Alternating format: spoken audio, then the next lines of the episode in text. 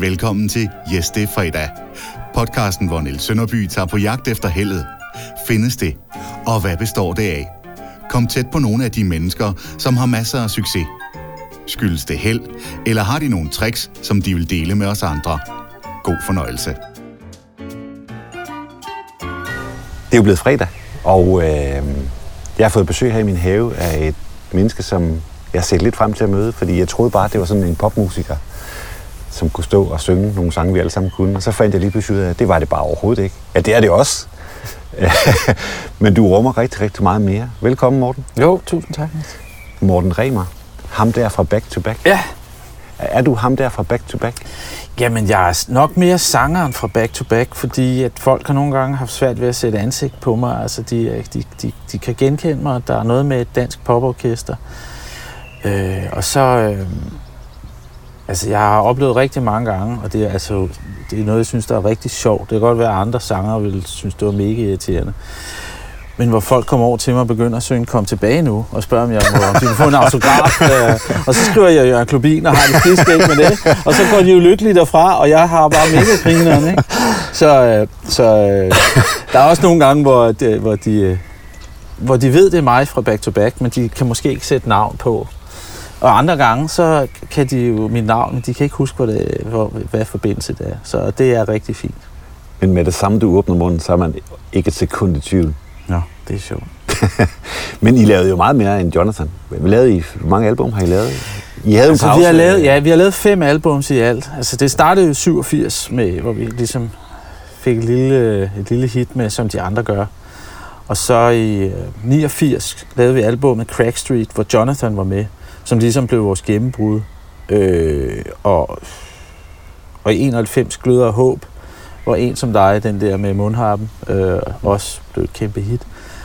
Og, og, og så øh, var vi så øh, forkælet og øh, var lidt musikalt på vej væk fra hinanden, og øh, diskussioner om royalties og penge. Helt klassisk old school øh, 80'er øh, forkælethed.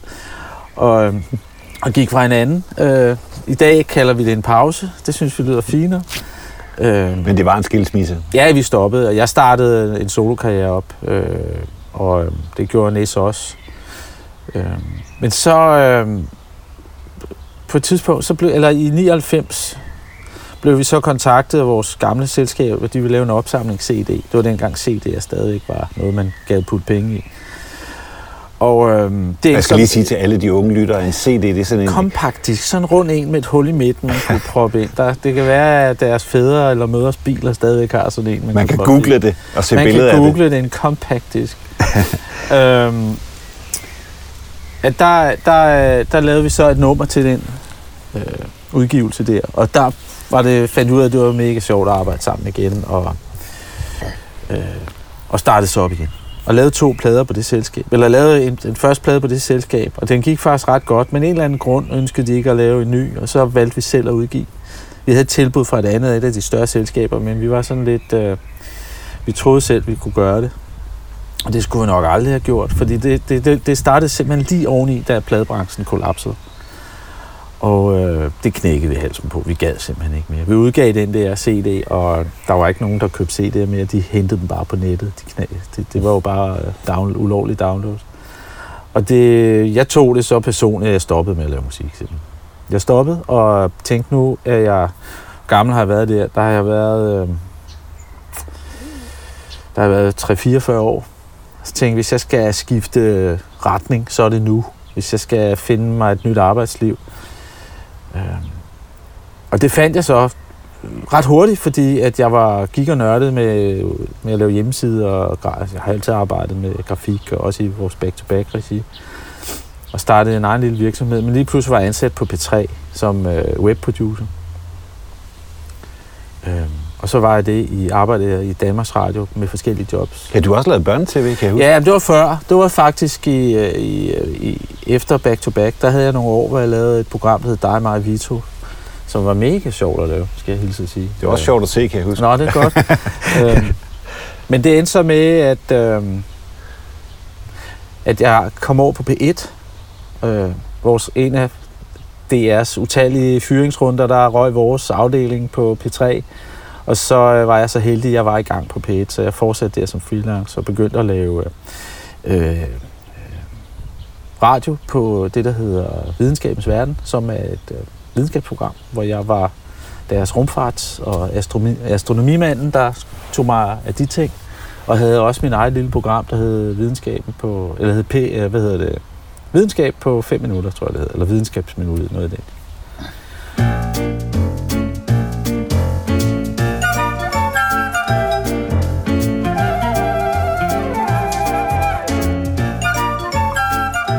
Er sjovt, fordi når man hører den historie, så det minder jo lidt om, når man sådan hører iværksættere, der bliver mange millionærer, som startede de første 10 år med at arbejde ja. som sindssyg og, og, og sagde nej tak til alt muligt andet.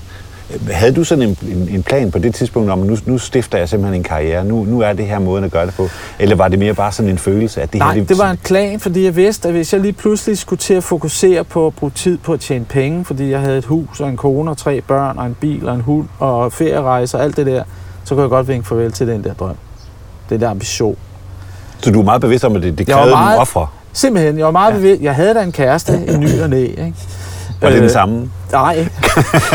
De skrev jo, nej, jeg ved, jeg kan dårligt huske. Det var on off, ikke? Men, men, men det var bare sådan, altså jeg levede et liv sammen med mine musikalske venner, kammerater, og så, og så øh, omgangskredsen, ikke?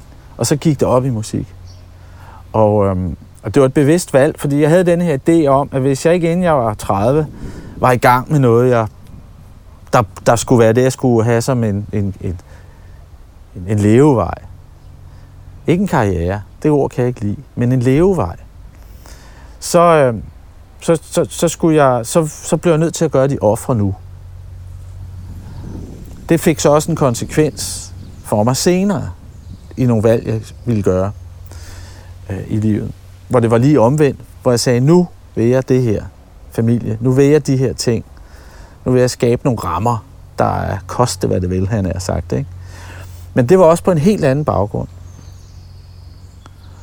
Og så gik der et par år, hvor jeg lavede den ene demo efter den anden, og der var en rigtig, rigtig god øh, mand i Helsingør, der hed Lars Overgaard, som var musiker i et, et band, og der var også kommet ud fra landegrænsen, og han var sådan mentor for mange af os, og havde adgang til studier og sådan noget lignende. Og han hjalp mig med at komme i gang med, at øh, jeg havde lavet nogle sange, så fik han øh, overtaget en studieejer ude i Valby, til at jeg kunne få lov at komme der og indspille dem. Fordi det kunne være, at jeg kunne få en pladekontrakt på det, og så skulle jeg selvfølgelig indspille pladen der i deres studie. Det var sådan en deal, vi lavede.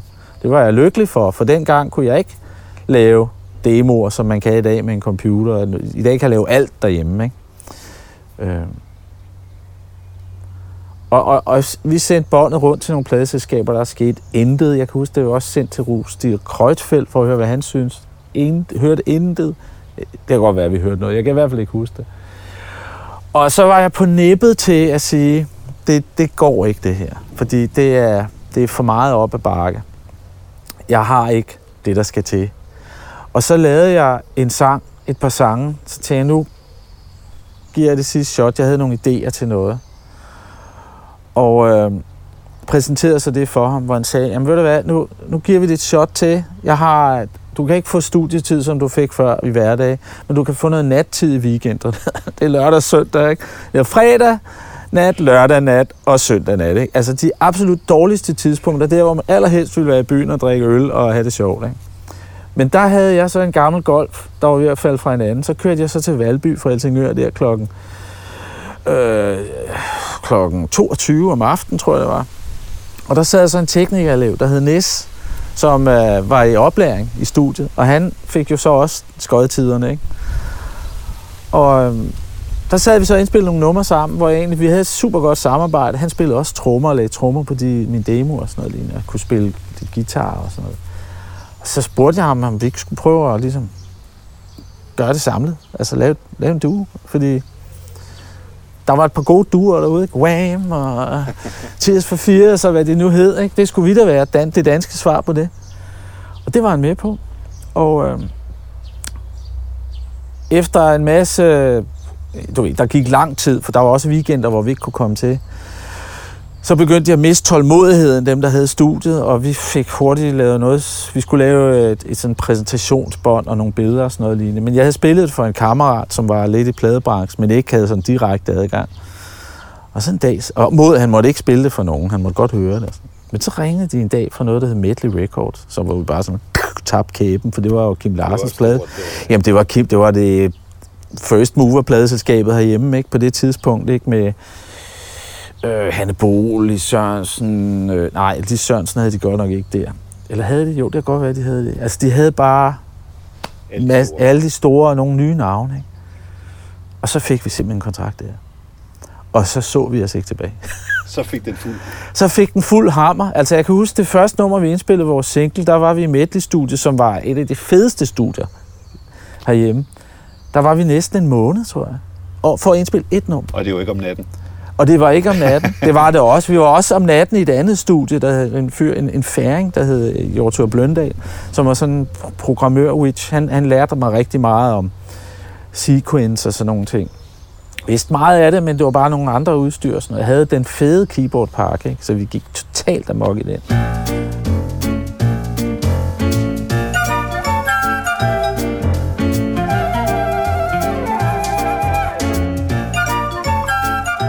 Det er sjovt, fordi jeg, jeg var på piknik med Johan Ørting den anden dag, Ja. seksolog. Ja. Øh, Fantastisk oplevelse. Det kunne jeg forestille mig. Øh, og hun talte meget om det her med, at øh, vi skal blive bedre til at mærke efter, om noget virkelig er noget, vi har lyst til, om det er noget, vi, vi brænder for, om det er noget, vi vil, og så skal vi gøre det. Du siger jo egentlig lidt det samme, at når du sidder med noget, og du kan mærke, at det her det er en god idé, så, så går du virkelig også efter det. Ja, det gør jeg. Ja. Altså, men og jeg tror også, det er meget med det der med, at jeg har bemærket, at en af mine, det er jo godt at kunne kende sine styrker og svagheder. Og en af mine styrker er, at jeg kan tage beslutninger for mig selv. Jeg kan tage en beslutning, og så kan jeg komme videre. Øh, jeg kan også tage beslutninger om at parkere noget indtil videre, fordi t- timingen er der ikke. Og, og, og det viser sig gang på gang, og det kan også dreje sig om, altså jeg, jeg kender til mine begrænsninger, men jeg kender også til timingen. Et eksempel kan være, er for eksempel, jeg lavede, skrev nogle sange i 96, lavede nogle demoer, men det var ikke noget, jeg kunne lave nu, synes jeg. Ikke det univers, jeg arbejdede med på det tidspunkt. Det var sådan lidt Bo Kaspers-agtigt, det der svenske orkester. Sådan en blanding af pop og jazz og vise. Ikke? Noget, jeg rigtig godt kunne lide. Også lidt funk og sådan noget. Og, men jeg smed dem ikke ud, vel? Jeg gemte dem, og jeg... Altså filerne, ikke? Jeg, lavede, jeg fandt optagelserne og fik lavet dem til filer og gemt dem. Og så startede jeg jo det her orkester op her i øh, Viborg med en, en, med en øh, lokal musiker, Jakob Mogensen, guitarist, hvor vi har fundet ud af, at vi har den der fælles interesse i det der musik, og jeg har de der sange. Så timingen er bare, hov, dem der kan jeg bruge nu, de, jeg har ikke smidt dem ud. Så der, jeg tænker, at alt, hvad jeg laver af kreative ting, bider, øh, musik, øh, tanker til historier, romaner, videoidéer, whatever, at det gemmer jeg, fordi at det kan godt være, at det ikke er en, en god idé lige nu, øh, eller den ikke har noget sted at være henne, den idé. Men det kan den have om et år, eller om en måned. Så det er jo ligesom, alle mine kreative idéer er mit grundstof. Øh, og det, det er jo sådan noget, jeg kan gå og bruge af. Ikke? Der er også, jeg har en ting, der aldrig bliver til noget.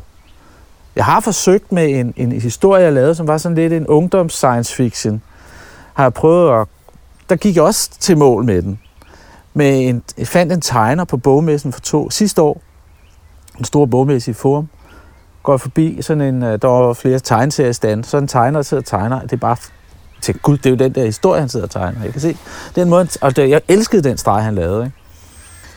Sådan lidt et tilfælde igen. Fuldstændig. Og øh, så går jeg over til ham, så tænker jeg, jeg kunne bare være gået videre og tænke, ej, det var fedt. Så gik jeg over til ham, så, ja, jeg, du kender mig ikke, jeg hedder det og det, og jeg har, skriver og har en bog udgivet, bla bla bla.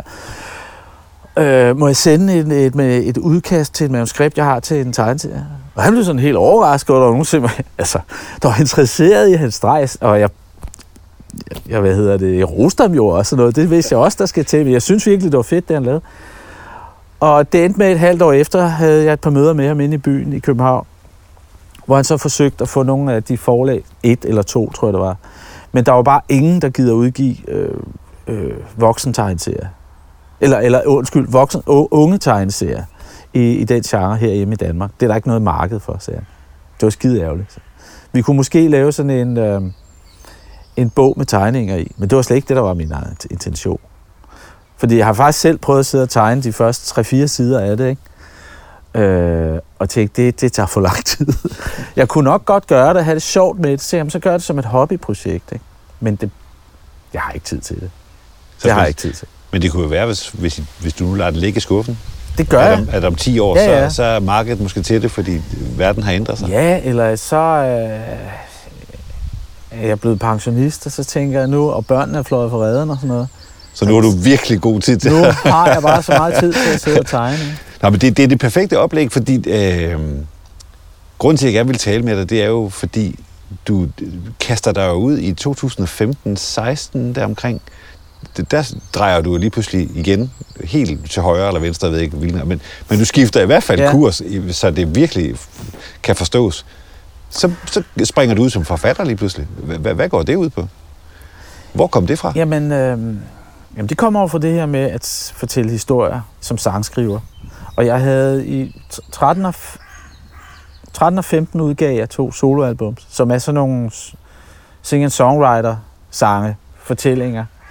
Øhm, samtidig med det, så legede jeg med ideen om, at jeg godt kunne tænke mig at lave filmmanuskripter. Øhm, og via en instruktør, der Jørgen Fagerskov, som har lavet et hav af tv-serier, instrueret Valander, intet mindre blandt andet, Rejseholdet, altså det er en af de tunge drenge. Ja, men han, han har virkelig haft sin finger med i spillet øh, i ja, de sidste 30 år. Øh, han underviser ude på en højskole, der ligger i Esbergære. Og, øhm, og en del af en omgangskreds, jeg har været en del af det år. Og han gad godt kigge på min historie. Så jeg var hjemme hos ham et par gange, og hvor han ligesom skolede mig lidt i, i, i dramaturgien i de her og jeg endte med, at jeg havde en historie, som han, han synes var fed, og som vi arbejdede med, hvor jeg skrev en pitch, og var så inde og præsentere den for en producent. Han havde hjulpet mig med at skabe kontakt til.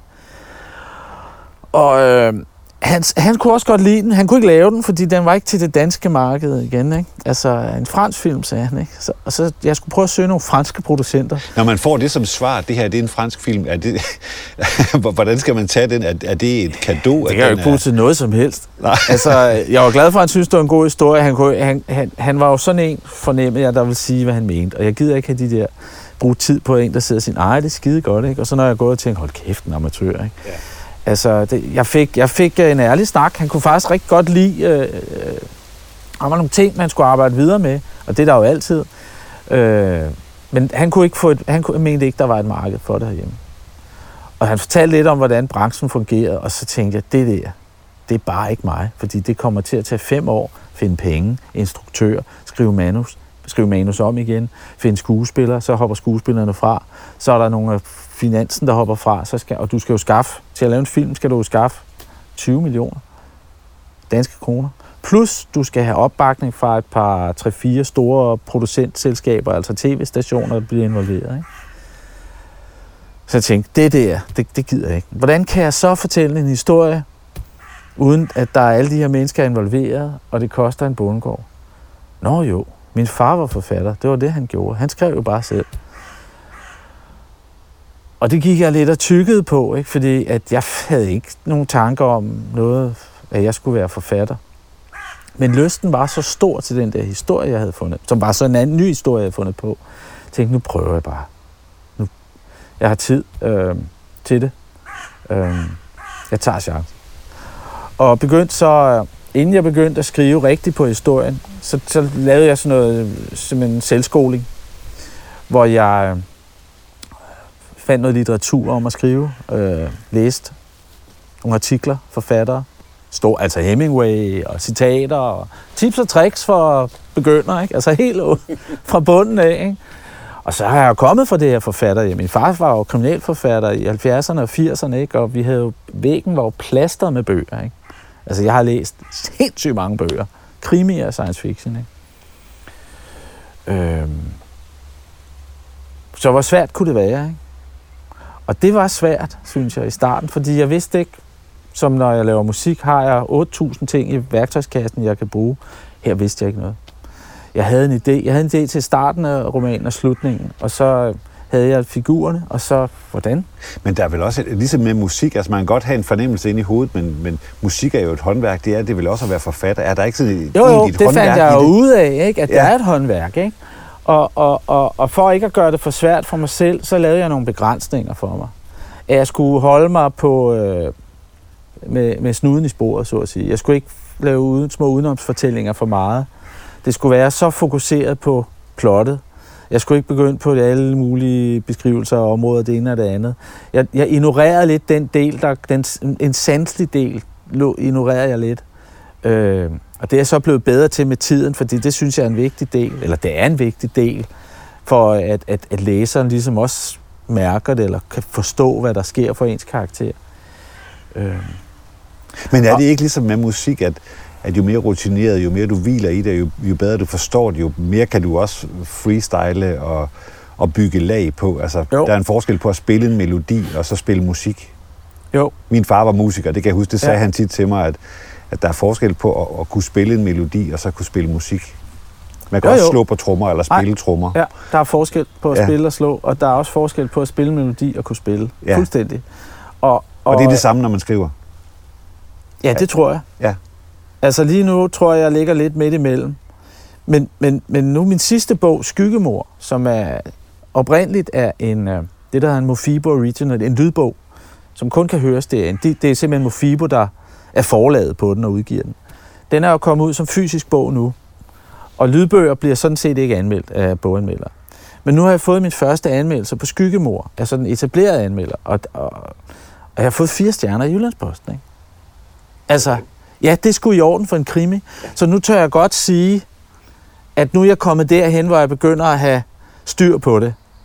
Øh, jeg er stadigvæk, nu, nu er jeg lige blevet slut med efterfølgeren, som hedder Skalpel. Og der er, altså, der sker også det, at jo mere jeg kan, jo, jo for, så begynder der at være mange muligheder lige pludselig, ikke? I, i de greb, man kan lave, og måden at fortælle på. Og jeg synes, at det har været rigtig hårdt at skrive den her efterfølger, blandt andet på grund af coronakrisen. Fordi at der, jeg, jeg har haft mange stop i, i skriveprocessen, hvor, hvor den forrige bog var sådan en lang skriveproces, hvor jeg hele tiden var assur med, hvad jeg lavede. Hvor her med Skalpel har jeg hele tiden skulle læse tilbage. Og jeg kunne også se efterredigeringen, at jeg måtte rydde nogle ting op, fordi jeg har gentaget nogle ting, som, øh, som jeg øh, har gjort, fordi at jeg ikke har husket, at jeg har skrevet det. Og det med redaktør også, det er jo også det, du har en redaktør til at fange. Ikke? Og jeg vil sige, at hvis man vil kaste sig ud at skrive en roman, så skal man bare være klar over, at den er delt op i tre faser, sådan en bog. Og den ene fase, det er, det er hele idéfasen og researchen. Det er en tredjedel. Så der er en tredje, nej, det er måske en, en, halv, en kvart. At skrive bogen er en kvart. At efterbearbejde bogen, det er næsten halvdelen. Fordi, Det tager længere tid. at Ja, det synes jeg, men det kommer også an på, hvordan man skriver, og hvor dygtig man er til det. Altså, jeg skriver bare fuld skrald derud af, fordi det er det, jeg har læst mig til, da jeg startede. Skriv, skriv, skriv, skriv, skriv, så kan du altid rydde op. Og det er nemlig, sådan laver jeg også musik. Så det kunne jeg se mig selv i, med at, at når jeg laver musik, så sidder jeg med en guitar sidder og spiller, spiller, spiller og har bare en optager på. Jeg har en idé, jeg har nogle linjer til en tekst, sidder og jammer, jammer, jammer. Jeg sidder ikke Nej, ikke den tone. Den, jeg sidder bare og spiller. Og det er det samme med at skrive. Der har jeg den her scene, den skal foregå... Jeg har en scene i min debutbog, Amok, hvor øh, min hovedperson, han vågner op. Der bor et hul i et billiardbord, og han er bundet og har det der hoved op, og der står to rockere bag ham og snakker om, nu skal de spille billiard, ikke? Med hans hoved op der. Og da jeg fik den idé til den scene, ikke? Den, den, altså jeg, jeg gik i dage og glædede mig til den scene. Fordi jeg havde det hele. Så det var også bare, skriv, skriv, skriv, skriv, skriv. Jeg skrev bare frit for leveren, alt hvad jeg havde i mig. Og jeg tror, jeg slettede en tredjedel af teksten. Fordi så, så skal kompositionen, kan man sige, være strammes op. Gentagelserne af ord skal væk. Øh, der er måske en passage, der skal flyttes, altså hvor det giver mere logik. Og det er det samme med musik. Altså der er mange paralleller, og det, det tror jeg, jeg kunne drage nytte af at processen i fra at få en idé til at jamme, skrive nogle, et plot, få en idé til en historie, til at skrive, til at lave demoerne, jamme igen, til at øh, redigere, sidde og mixe, og så til sidst masterere det hele, så det lyder godt til sidst i alle højtalere. Det er der, hvor redaktøren inden over til sidst. Den der proces er en parallel proces til at skrive en bog for mig. Så derfor har det ikke været så mystisk. Også fordi jeg kom fra det her hjem, hvor jeg har været vant til den der lyd fra den dik, dik, dik, dik, dik, ding. Så min far arbejdede fra 12 til 24. Det gjorde han. Og han havde en tavle, der var 4 gange 2 meter med post, et post var det ikke dengang, men polaroidbilleder og fotos og udklip og 60 bøger nede fra biblioteket. Der var jo ikke noget, der hed internet eller noget. Så der ligger noget i det der med, at når man er i skabelsesmode, så skal man virkelig bare skabe. Måske næsten da lade underbevidstheden tage over og lade det bare Fuld, flyde. Det tror jeg. Altså, det virker for mig. Altså, det er jo meget forskelligt. Ja. Altså, Men det er sjovt at læse. Jeg læser meget om andres kunstners måde at arbejde på. Øh, helst dem, der har mega hittet, ikke? og forfatter. Hvad er det, de gør? Hvad er det, jeg, kan jeg gøre det også? Ikke? Altså, og, og der er jo mange paralleller. Altså, det, er jo, det, handler jo ikke, det handler jo ikke kun om proces. Det handler rigtig meget om, ideen er god. Ikke? Altså, jeg bruger jo ikke, jeg bruger jo lige så meget tid på at indspille en sang, som en eller anden verdenshitter gør. Jeg bruger sikkert lige så meget tid på at skrive en, en roman på 300 sider, som en, der skriver en roman på 300 sider, der bliver en worldwide hitter. Ikke? Ja. Så det er jo bare proces. Det er det, det, det der inde i. Ikke?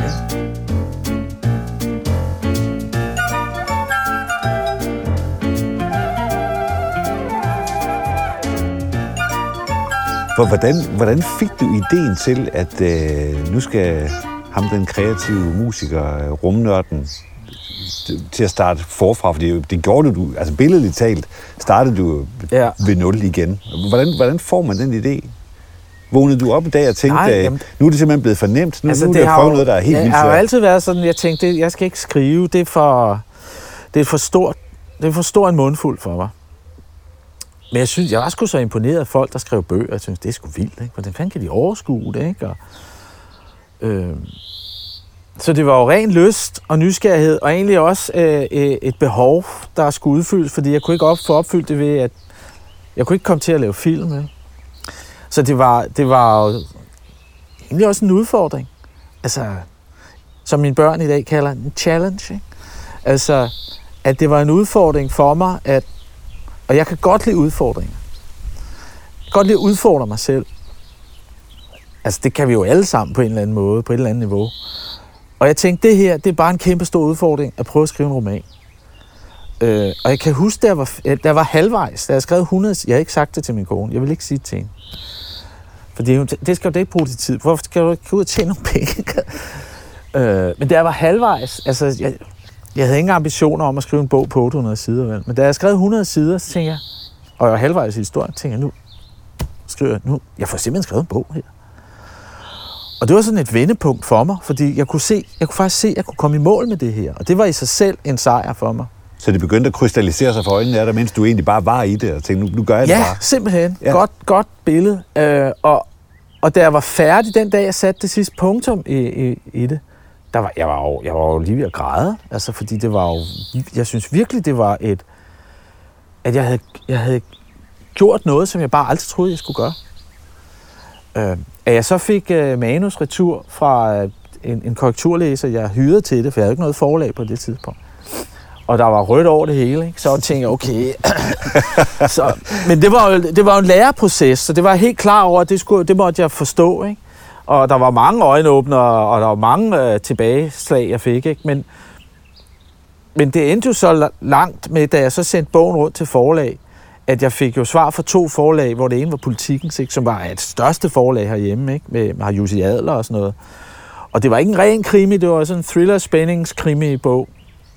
Øhm, så tænkte jeg, så nu har jeg nogens opmærksomhed. Så er jeg et eller andet sted. Der, der, der må være et eller andet, jeg kan i det her, uden jeg selv havde en idé om det. De sprang så fra, men, men det lille forlag vil gerne fortsætte. Og det er jeg på en måde glad for i dag, fordi at jeg har lært så meget af de bøger, jeg har skrevet, at jeg har ikke, jeg har ikke haft noget pres. Det kan godt være, at det lille forlag, jeg tror, han har en popsanger for Back to Back, og han kunne sælge en masse bøger.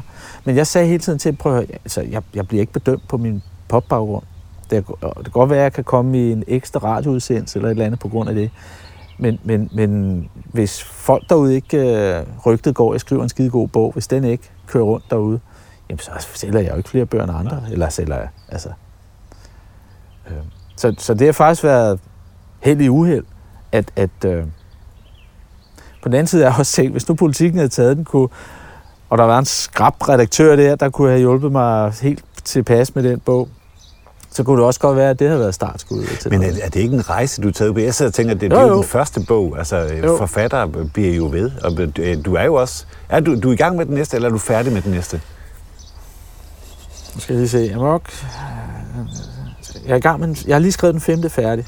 Ja, der, der ligger fire på din hjemmeside, ikke? Ja, der er jo, der er jo den femte. Ja. Den, den har jeg lige lavet færdig, øh, som er efterfølgeren til den her øh, skyggemor. Jeg tror, jeg nævnte den før. Den hedder Skalpel.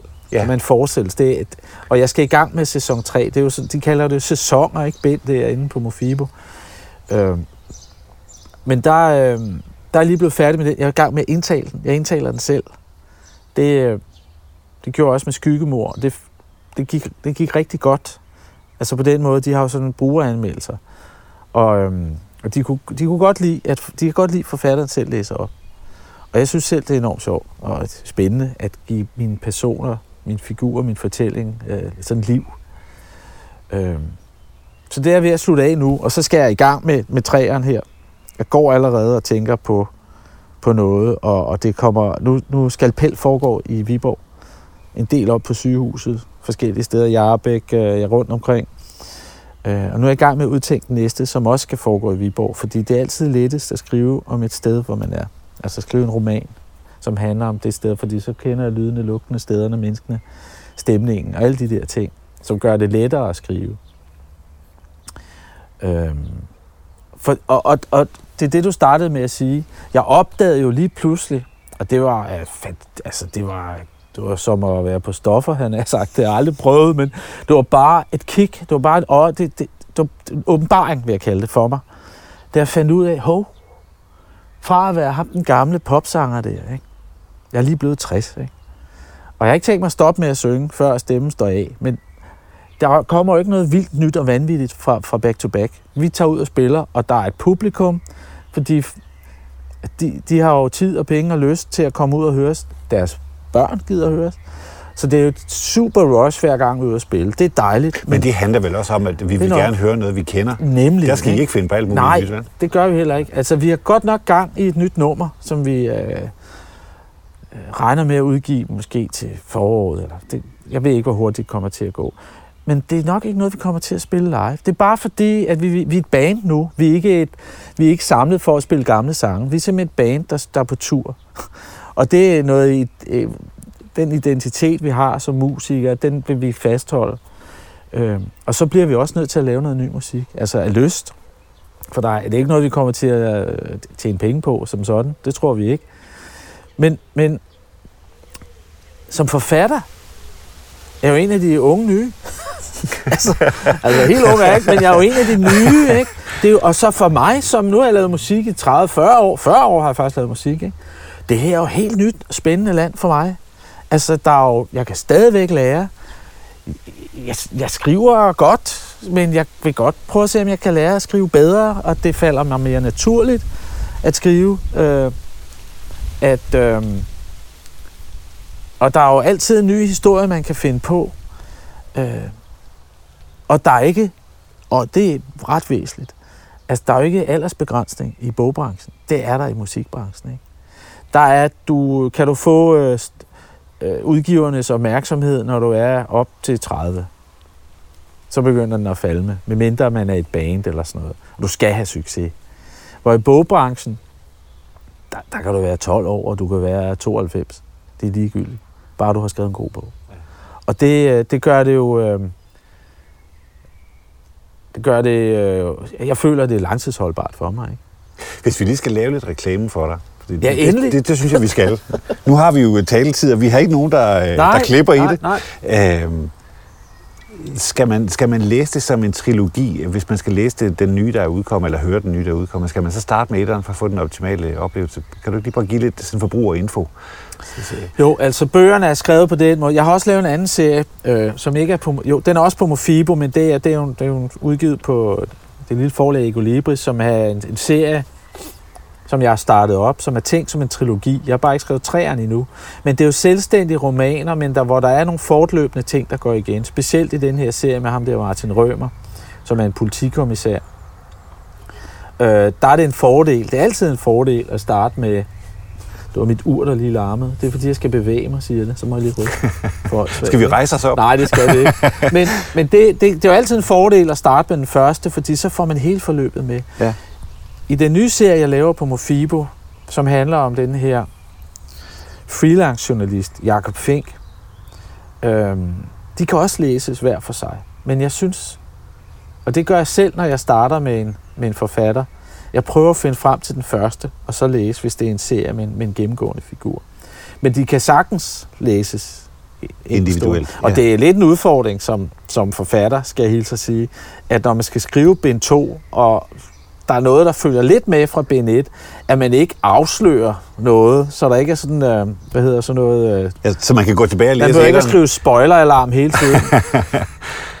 ja, det er, det er et problem. Men det, men det er også, øh, jeg synes, det er elegant, hvis man kan, og det er det, jeg prøver på med Fink her, at, og også med den anden serie, som jeg håber, jeg får skrevet træerne til på et eller andet tidspunkt, at, at der løber flere historier underliggende, ikke? og at alt det, der sker, det mødes til sidst. Altså det synes jeg jo, det er jo, det er jo en elegant historie, hvor man får de der bundet sløjfen til sidst, ikke? med alle de bånd, der løber parallelt. Og, og, og noget, jeg synes, der er ekstra elegant, og det prøver jeg også at gennemføre her i Fink, det er, at han, altså, han har, øh, jeg vil godt have, eller et af idéerne til den første Fink, han har diabetes, han har sukkersyg, øh, diabetes 1, som jo er den, der kræver, at man sprøjter sig et par gange om dagen og hele tiden måler sit sukkersyge. Alle figurer har et eller andet benspænd. Ikke? Men for mig handler det om, at hvis der er et benspænd, så skal der noget med historien at gøre. Så skal der ligesom være en grund til det. At hvis figuren er blind, jamen så er det fordi, at det kan bruges i historien. Og det, det, det synes jeg, det er det, der gør det...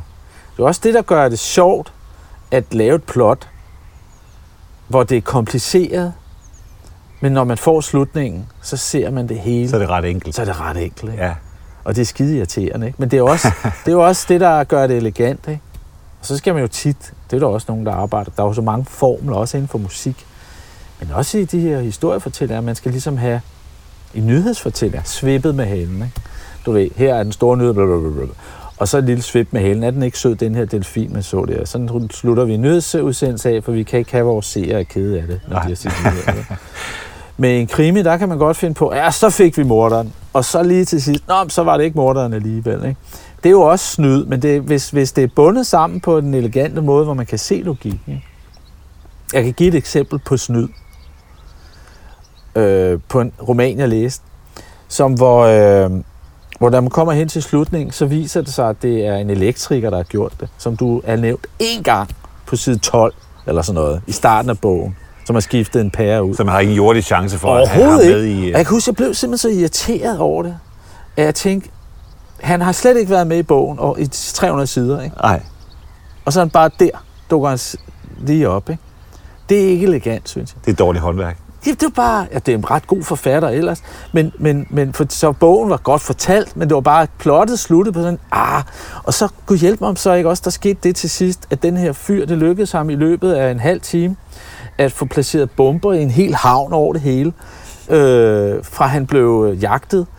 Øh, og jeg ved ikke, om jeg har misforstået slutningen, men jeg tænkte, at man kan da ikke nå at placere bomber i en silo og en, øh, en kutter og det der, og, og, og køre derfra og derover på en halv time. Men det var, jeg tror, det var, fordi han ville have sådan en Netflix-slutfilmserie, hvor det hele eksploderede. Ja. Så, men lidt dårligt håndværk, hvis, hvis man begynder at flytte fokus til at begynde at tænke på, om det kan lade sig gøre, det man læser. Det er vel ikke ideen med en historie. Den skal Nej, man, altså... Der skal man være forført og, og, ja. og, og helt væk i, altså, i handlingen, ikke? Min redaktør er jeg mega glad for, fordi hun sørger hele tiden for, at det på en eller anden måde, det skal være troværdigt. at det kan godt være, at han lander på månen, ikke? Men han skal ikke øh, se små grønne rummænd. Nej. Fordi vi har været på månen, så det kan det godt lade sig gøre. Men, men altså, det skal bare være... Han skal ikke lige pludselig... Hov, nu ved jeg, hvem morderen er. For det er der jo ingen, der gør. Øh, der skal jo være nogle grunde til det hele. Alt, har, alt skal have en årsag, siger hun. Ikke? Øh, og det er, jo, øh, det er jo også en udfordring at gøre noget spændende og interessant, hvis det også skal være lidt ekstraordinært. Øh, og det er det, jeg godt kan lide ved at lave plots og finde på historier, det er, hvordan, hvordan kommer jeg fra den her idé og til den her slut? Hvordan kommer jeg fra A til B? Ikke? Det er jo det, der... Det er jo faktisk... Altså, det kender du også med alt det, du laver sikkert. Det er jo, øh, det er jo faktisk processen, der er det sjove. Ja. Fordi den oplevelse, jeg har at med alt det, jeg laver, eller ikke alt, men med, med musik, og jeg laver også, jeg laver også nogle videnskabspodcast, ikke? Hvad er det nu, de hedder? Jamen, øh, det er lige stoppet, det hedder Science Stories, hedder. De ligger der stadigvæk. Okay. Øhm, men alt, alt sådan noget, jeg har lavet, den dag, at nummeret er færdigmixet, og vi har lyttet på det en sidste gang, så mister jeg interessen. Ja. Når min bog er skrevet færdig, og den og den er udkommet, så mister jeg interessen. Dog ikke lige så meget, som jeg gør for musikken, fordi altså, du hører det samme nummer tre minutter igen og igen og igen, og nu er det færdigt. Så er du faktisk så, så er det, det det næste projekt, der er det spændende. Ikke?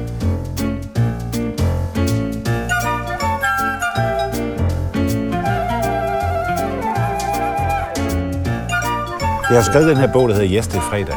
Ja. Der, der har jeg jo prøvet sådan på min egen lommefilosofiske måde at prøve at finde ud af, er der en, er der en hemmelighed bag ved dem, der ligesom har succes, forstået på den måde, dem, der lykkes med det, de gerne vil lykkes med. Det handler ikke om penge, men, mm-hmm. men dem, der har det liv, og som bruger tiden på det, der, der virkelig interesserer dem. Og der er en af de ting, jeg har fået øje på, det er, at der er rigtig, rigtig mange af dem, der er nysgerrige. De bliver ved og ved og ved, og, og stiller sig aldrig tilfreds. Er, er, du- er du også sådan en? Altså tilfreds på den gode måde, at, at der er mere endnu. Jagten på noget mere Ja. og noget nyt. Er du sådan en? Det er min nysgerrighed og interesse for noget. Altså, det er det helt sikkert. Øhm. Og når jeg føler, at jeg ligesom ikke kan komme videre med det, jamen så, øh, altså, for eksempel det her med videnskabspodcast, jeg har lavet på P1, og, og, og, og de her Science Stories, det kom jo af en stor interesse for rumfart og astronomi, og det er fordi, jeg barn af månelanding. Jeg, har, jeg sad som 9-årig og så månelandingen. Øh, min far tvang, han, du skal op og se det her, siger han bare, fordi det er verdenshistorie. Og jeg kan huske det, og det har bare, jeg kan stadigvæk huske det der gamle Rank Arena, sort-hvid fjernsyn, der var ved at falde fra hinanden. Jeg sad i stuen der og så det sammen med ham, og hørte lyden, ikke? Øh, og, øh, det, det tror jeg bare var det, der kickstartede mig, den her interesse for rumfart. Og jeg kan huske inde på mit værelse, og det er ikke så lang tid at tænke på det. Nu var der jo, øh, hvad hedder det, øh, jubilæum, 50 års jubilæum for månelandingen. Jeg kom til at tænke på, at jeg havde bygget min egen øh, Apollo-kabine inde i min værelse, ikke? med to stole, der var lagt ned på gulvet. Og så havde vi nogle øh, tæpper over, og så havde jeg sådan en lille samtaleanlæg. Ikke? Og der sad vi der sammen med en kammerat, der havde månelanding, og han var Houston, og jeg var, og vi skiftede. Og jeg havde en racerhjelm, vi brugte som rumhjelm og sådan noget. Så det der med rumfart og rummet har altid fascineret mig. Og det endte jo med, at jeg på et tidspunkt, øh, 798, tænkte, nu, vil jeg, nu prøver jeg at kigge på det der astronomi. Er det noget for mig? Kan jeg læse? Der var jeg 38 år gammel, ikke? At, øh, så jeg var inde på Københavns Universitet på sådan en åben dag derinde, og overvejede seriøst at læse det, og besluttede mig for at læse mit, opdatere min gymnasieeksamen, og startede på HF-kursus i fysik, kemi og matematik. Og så, nej, det var omkring 0. Det var der, hvor Nisse og jeg mødtes igen. Og så tog det der back-to-back lige pludselig fat, rigtig fedt. Og så måtte jeg stoppe det, fordi at jeg kunne simpelthen ikke passe det der HF, samtidig med, at vi var i gang med ny musik og, og skulle spille tur og sådan noget. Og øh, jeg mødte for en bassist derinde, også jeg kender rigtig godt. Knæksbassist øh, SP Poulsen, han var også i gang derinde, men han må så også droppe det på grund af musik. Nå, men i Det hvert er jo fald... bagsiden ved succes. Jeg det er, fandt jo så, jeg fandt det jo så en afløser for det der, fordi der var et engelsk universitet på Lancashire, Lancashire University hed det, som lavede, havde startet sådan online, og jeg var så meget aktiv på nettet dengang. Havde de her berømte mono. øhm, og var også en af de første brugere på politikens online der. Pol.dk hed det. Øhm, Det var niveauet lige efter fax. Ja, og jeg fandt ud af, at jeg havde læst alt, hvad der var af bøger om astronomi på dansk. Og jeg kunne ligesom, det var gentagelser. Så jeg ville step, jeg ville, jeg ville trine videre. Og øh, fandt så det her online kursus og tilmeldte mig, og endte med at tage fem eller seks kurser, i, som, som svarer til første år på astronomilinjen. Og øh, øh, det, det mættede mig på den fede måde, fordi jeg fik alt det der grundlæggende astronomi 101 ind, kan man sige, og lærte så meget øh, om det, at, at jeg følte mig også klædt på til at nu kunne begynde at lave podcast og lave radio om det. Fordi det, det, det var ikke på banen på det tidspunkt. Vel? Men det, jeg kan huske, der var et kursus, hvor, jeg skulle, øh, hvor der var en opgave, hvor jeg skulle øh, regne Jupiters masse ud fra et foto med nogle billeder af månen. Og der var nogle, øh, og der skulle jeg måle med lineal på de her fotos. Og det eneste, jeg kendte, det var afstanden til solen og afstanden til Saturn til solen. Og så kunne jeg simpelthen lave ved hjælp af noget, øh, Pythagoras havde fundet på for 2.500 år siden. Altså simpel, øh, øh, hvad hedder sådan noget, øh, øh, triometri, ikke? Så kunne jeg simpelthen regne massen ud på den der.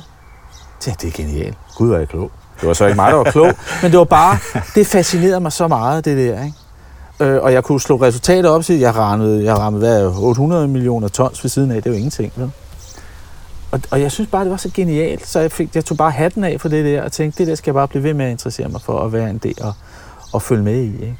Og det gør jeg stadigvæk som, som bruger. Altså, jeg har nogle podcast, jeg følger, og noget, nogle nyhedssites og sådan noget. Så jeg holder mig opdateret med det. Ikke? Men det, og, Men det er nysgerrighed, nej, der, der, der er en ligesom... sjov ting, som måske kan understrege det her hele. Ikke? At det ender faktisk, det lykkes mig næsten altid at gøre en interesse til en indtægt. Fordi så kan jeg fastholde interessen, så kan jeg tillade mig at bruge tid på den. Altså min musik startede som interesse og blev min levevej. Øh, jeg var helt vildt interesseret i at køre racerløb. Startede med at køre go-kart i 96 endte med at køre i nogle klasser. Jeg fik hele tiden sponsor til det. Og der var det lidt ham popdrengen der, de synes det var sjovt at køre race. Men jeg var også god til det. Og så endte jeg i dansk Ferrari-team, ikke? Alt betalt. Øh, blev fløjet til Sverige, Tyskland og Finland og kørt for det her team, ikke? Og øh, vi blev visemester to gange. Så kom der også en ny ejer. Han synes ikke, det var sjovt at have sådan en gratis køre med. Det var fint nok. Det var lige før finanskrisen, så det hele ramlede alligevel på Men og det her med at lave radio, altså med at lave podcast, baseret på astronomi, og det er også noget, jeg tjener penge på. Og nu det her med at lave historier, øh, nu udgiver jeg bøger, jeg også tjener penge på. Altså, det, det, det, er, det, det har været en bevidst strategi. Jeg har forsøgt. Altså, man kan Men sige, det har altid startet med interessen. Det har ikke startet ja, nej, med, at du har siddet med nej, et Excel-ark og sagt, nu vil jeg tjene penge på astronomi. Er, hvordan kan jeg blive ved med at lave det her? Ja. Hvordan kan jeg tillade mig at bruge tid på det her? Øh, og jeg kan huske i starten, der var, tjente jeg jo ikke nogen penge på de her bøger, vel? Øh, og nu tjener jeg heldigvis penge også på andre ting, for det er jo så også en, en, en strategi at have. Jeg vil hellere have mange begge små end uh, en stor å, ikke? fordi så ramler det hele, hvis den der å løber tør. At, at, øh, at nu er der også begyndt at komme penge ind på bøgerne og sådan noget. Ikke? Så så nu kan jeg også retfærdigt gøre det over for min kone. Ikke? Jeg siger, prøv at høre, der kommer penge strømmer ind af. Det er ikke så meget, men det hele... Det jeg er hele, ikke komplet idiot. Det, det er ikke komplet idiot. Der er simpelthen nogen, der betalt for det, jeg laver. Uh, har du været heldig, Morten? Ja, det har jeg da helt sikkert. Altså, men heldet er også søger... Altså, som øh, det her med Bjørn Borg citat, som jeg ikke ved, om øh, da vi mødtes første gang, om jeg sagde, men det her med, at da han havde vundet Wimbledon, for første gang, tror jeg. Så er der en svensk journalist, som sådan lidt frækt havde spurgt ham, du var rigtig heldig i dag, du vandt rigtig mange øh, af boldene, hvor Bjørn Borg har sagt, ja, det er sjovt, ikke? Fordi, men jeg har opdaget sådan, jo mere jeg træner, jo heldigere er jeg, ikke? Ja. Og det er jo det, det handler om et eller andet sted, ikke? Og der, der er også sådan nogle, øh, også der er nogle citater, der hang i en gammel fodboldklub på væggene til alle de der unge spillere der, ikke?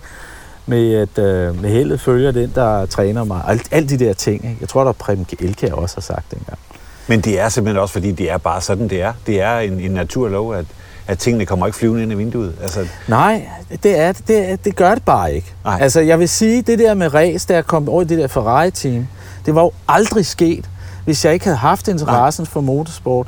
Og, og, og ikke fordi, blandt andet fordi jeg startede med at køre go-kart, og faktisk havde nogle, der var sådan nogle unge go-kart-kører, som øh, altså, som i dag er etableret racerkører, super dygtige kører, de hjælper jo. De hjælper jo med øh, teknik og det, øh, køreteknisk og alle de her ting. Og, og, og, og jeg vandt også et par løb, og det gjorde det også lige pludselig ham der Ferrari-teamet. Heldet var jo faktisk, at den her bil, jeg blev tilbudt at køre i, der, der var to chauffører, lidt ligesom man bruger i Le Mans.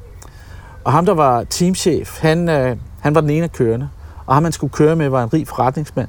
Han hoppede fra 14 dage før sæsonen startede og sagde, jeg har ikke tid. Men han var så rig, han sagde, behold penge. Så sædet var betalt.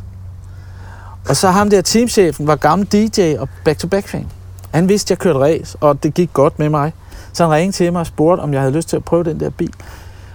Og jeg testede, og det gik godt, og, og jeg vandt fandme også det første løb. Ikke? Så det gjorde at, at, øh, at så fik jeg et løb til, og så endte det med, at jeg så blev fastkørt der. Ikke? Men det var aldrig sket, hvis jeg ikke havde startet med at spille musik i Helsingør i øh, 1982, vel?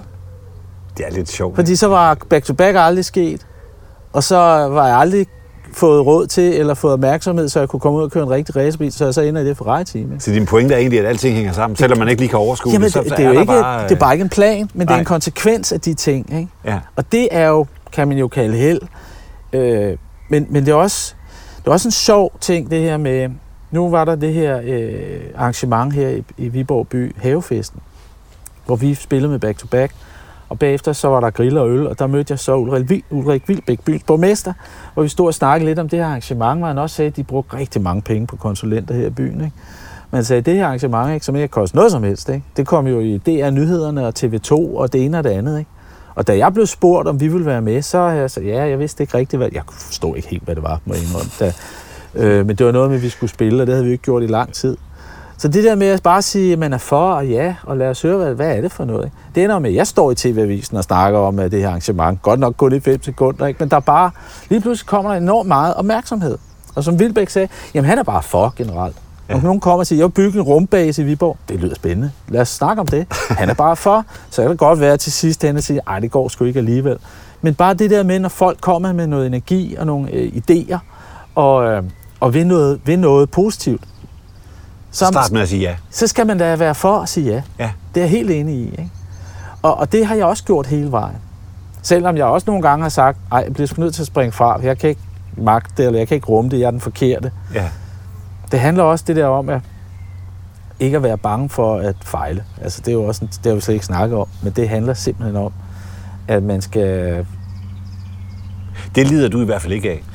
Jo, det kan jeg godt gøre lidt, men jeg har en, en strategi, fordi... Men du har kastet dig ud i nogle ting, hvor du i, i bund og grund ikke, hvad skal man sige, du, over, du overfortolker det måske lidt, men Ja. når du kaster dig ud som forfatter, så har du måske en fornemmelse af det, men du, i bund og grund kunne du, det kunne have blevet en kæmpe katastrofe, hvor du bare ramt helt ved siden af, ikke? Jamen, det var derfor, det var godt at være på et lille forlag, fordi Ja. der var ingen, der vidste det. For de kommer jo ikke ud så bredt. Altså, vi kommer stort set ikke i medierne med det, vel? Øhm, og nej, hele den fik også okay anmeldelser, ikke? Men, men det var ikke sådan, du ved, det, det var ikke på forsiden noget som helst, vel? Nej. Altså, de prøvede alt muligt, men altså, jeg siger, prøv at, bare fordi jeg har lavet en bog, så kommer det ikke på forsiden. Altså, de, de, de kender jo ikke engang. De, de kender stemmen fra Jonathan, som vi snakker om i Ja. starten, ikke? Og, og det er jo rigtig, det er jeg glad for. Fordi jeg, jeg kan jo gå på gaden, uden at blive overfaldet. Jeg tror, der er nogle andre herhjemme, som ikke kan gøre, jeg tror ikke sådan som Thomas Helmi, han bare kan gå uden at Nej. det skaber røre. Så vil folk snakke Jamen, med ham jamen, og jamen altså, det er jo, jeg tror bare, han må, man kan blive lidt paranoid i den verden der. Og der har jeg aldrig været, og vil aldrig være. Vel?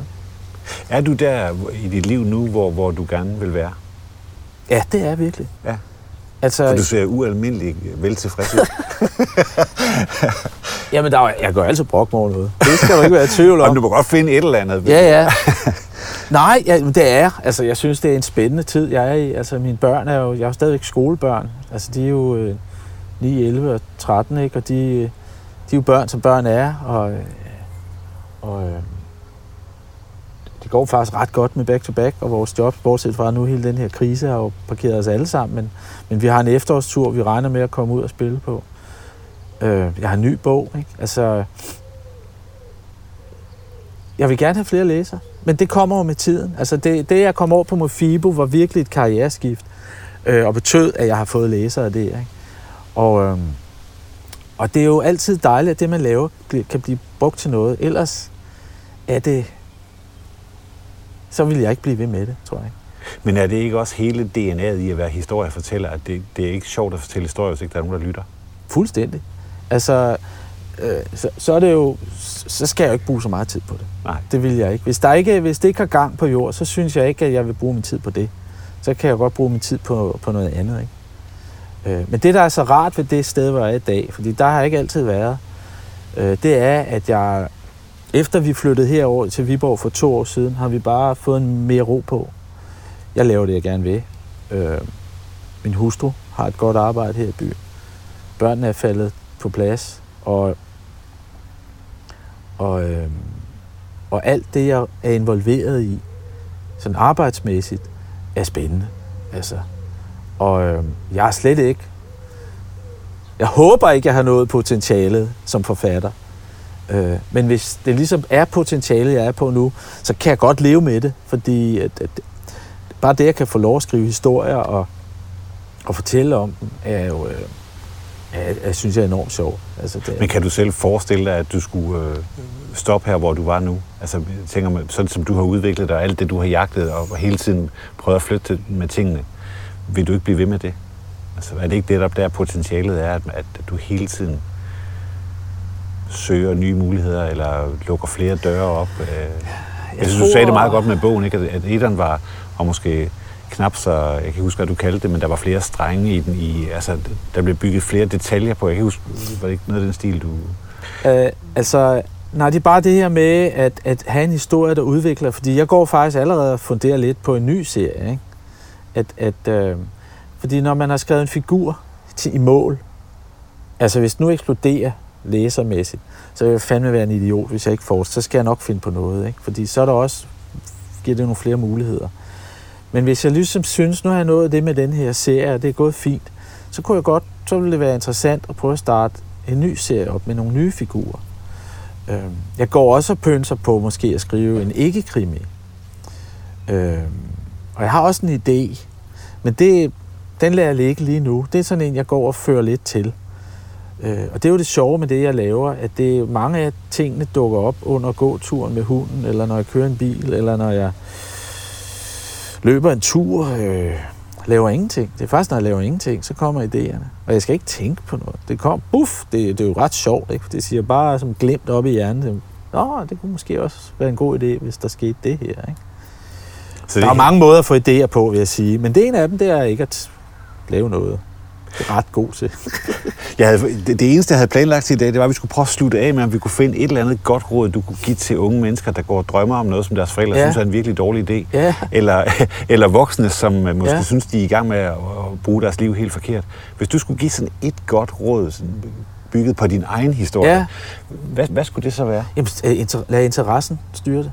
Lad din nys- nysgerrighed og interesse for noget styre det. Ja. Fordi så er det jo princippet ligegyldigt, om det bliver en levevej eller ej. Det er, jo, det er jo det, livet handler om et eller andet sted. Det er at opleve. For mig er det også, jeg synes, at opleve, det er også at lære noget. Og opdage nogle nye ting i noget. At det vidste jeg ikke, det her. At, at, at, at se muligheder. Men frem for alt at lade nysgerrigheden styre interessen. Fordi at der er ikke noget, der er finere end noget andet. Der er ikke noget, det handler om ens eget liv og ens egne interesser. At, at jeg så lige er røget ind i sådan noget der, der, der, der er meget udadvendt det er det jo at skrive en bog, at lave et podcast, at øh, spille musik. Der, der er jo noget interaktion, specielt med musikken. Ikke? Det er jo bare mine interesser. Men der, det kan jo være alt muligt. For, for, min kone er helt vild med sin have. Ikke? Altså, jeg, hun, hun siger jo godmorgen og går dag til haven, før hun siger noget som helst til mig nærmest. Ikke? Og den, den får meget mere kærlighed og omsorg end mig. Ikke? Så det er at jeg vil jaloux på min, min have. Du virker også virkelig understimuleret. Ja, det er jeg også. Nej. Nej, det er bare det der med, at en passion skal styre det, ikke? Ja. Altså, det, det tror jeg. Fordi så er det jo også det, at man, gør, man, kan, man kan måske gøre noget ekstraordinært. Og selvom man så ikke bliver styrtende rig, så har man i hvert fald haft en fest med det undervejs. Jamen, jamen penge er helt ærligt, det er opreklameret. Ikke? Fordi at nu her forleden snakkede jeg med en, øh, øh, hvor, hvor vi kom til at snakke om hele den her coronakrise. Ikke? Altså, jeg er der blevet ramt på pengepunkten med alle de koncerter, vi har fået aflyst. Men vi kommer jo ikke til at gå fra hus og hjem, og det er jo ikke fordi, vi ikke, der er en dag, vi ikke får mad. Men den der ferie blev nok ikke til noget, øh, under alle omstændigheder, men altså, vi kommer ikke til at bruge penge på en ferie til Thailand, eller sådan noget, vel? Øh, ikke fordi det var planen, men det er bare, at, at øh, penge skulle være til for, at man har noget frihed til at gøre det, man gerne vil. Og, og så kan man jo så vælge at købe den største, dyreste villa og bil. Og så, øh, hvis det er ens interesse, jamen, så skal man jo skaffe nogle penge til det. Men man kunne også gøre omvendt at sige, at det er ikke det, der er væsentligt. Hvad, hvad, hvad er det, det væsentlige for mig? Altså, det har jeg gjort, ikke? Men der har været det vendepunkt, som jeg nævnte tidligere, som med at på et tidspunkt sagde jeg også, nu hvis jeg skal blive voksen, og der var jeg vel... Det er med også snart på tid. Der var jeg omkring 40, 45 eller sådan noget. Så tænkte jeg, nu vil jeg godt eje egen bolig. Ja. Have en bil, der ikke bryder sammen hele tiden. Og stifte familie. Og så skulle der... Der havde jeg ligesom også eksperimenteret og været igennem en del af mit liv allerede der. Ikke? Så. så opsamlingen er at være nysgerrig og være passioneret. Og så ikke, gå, ikke gå efter penge.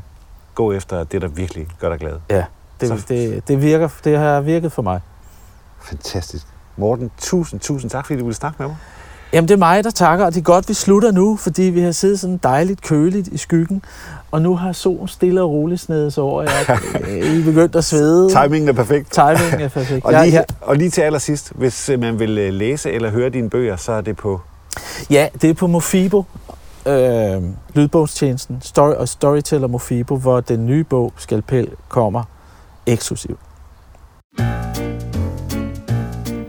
Det var Yes, det er fredag for denne gang. Jagten på hemmelighederne fortsætter, og vi håber, du vil lytte med.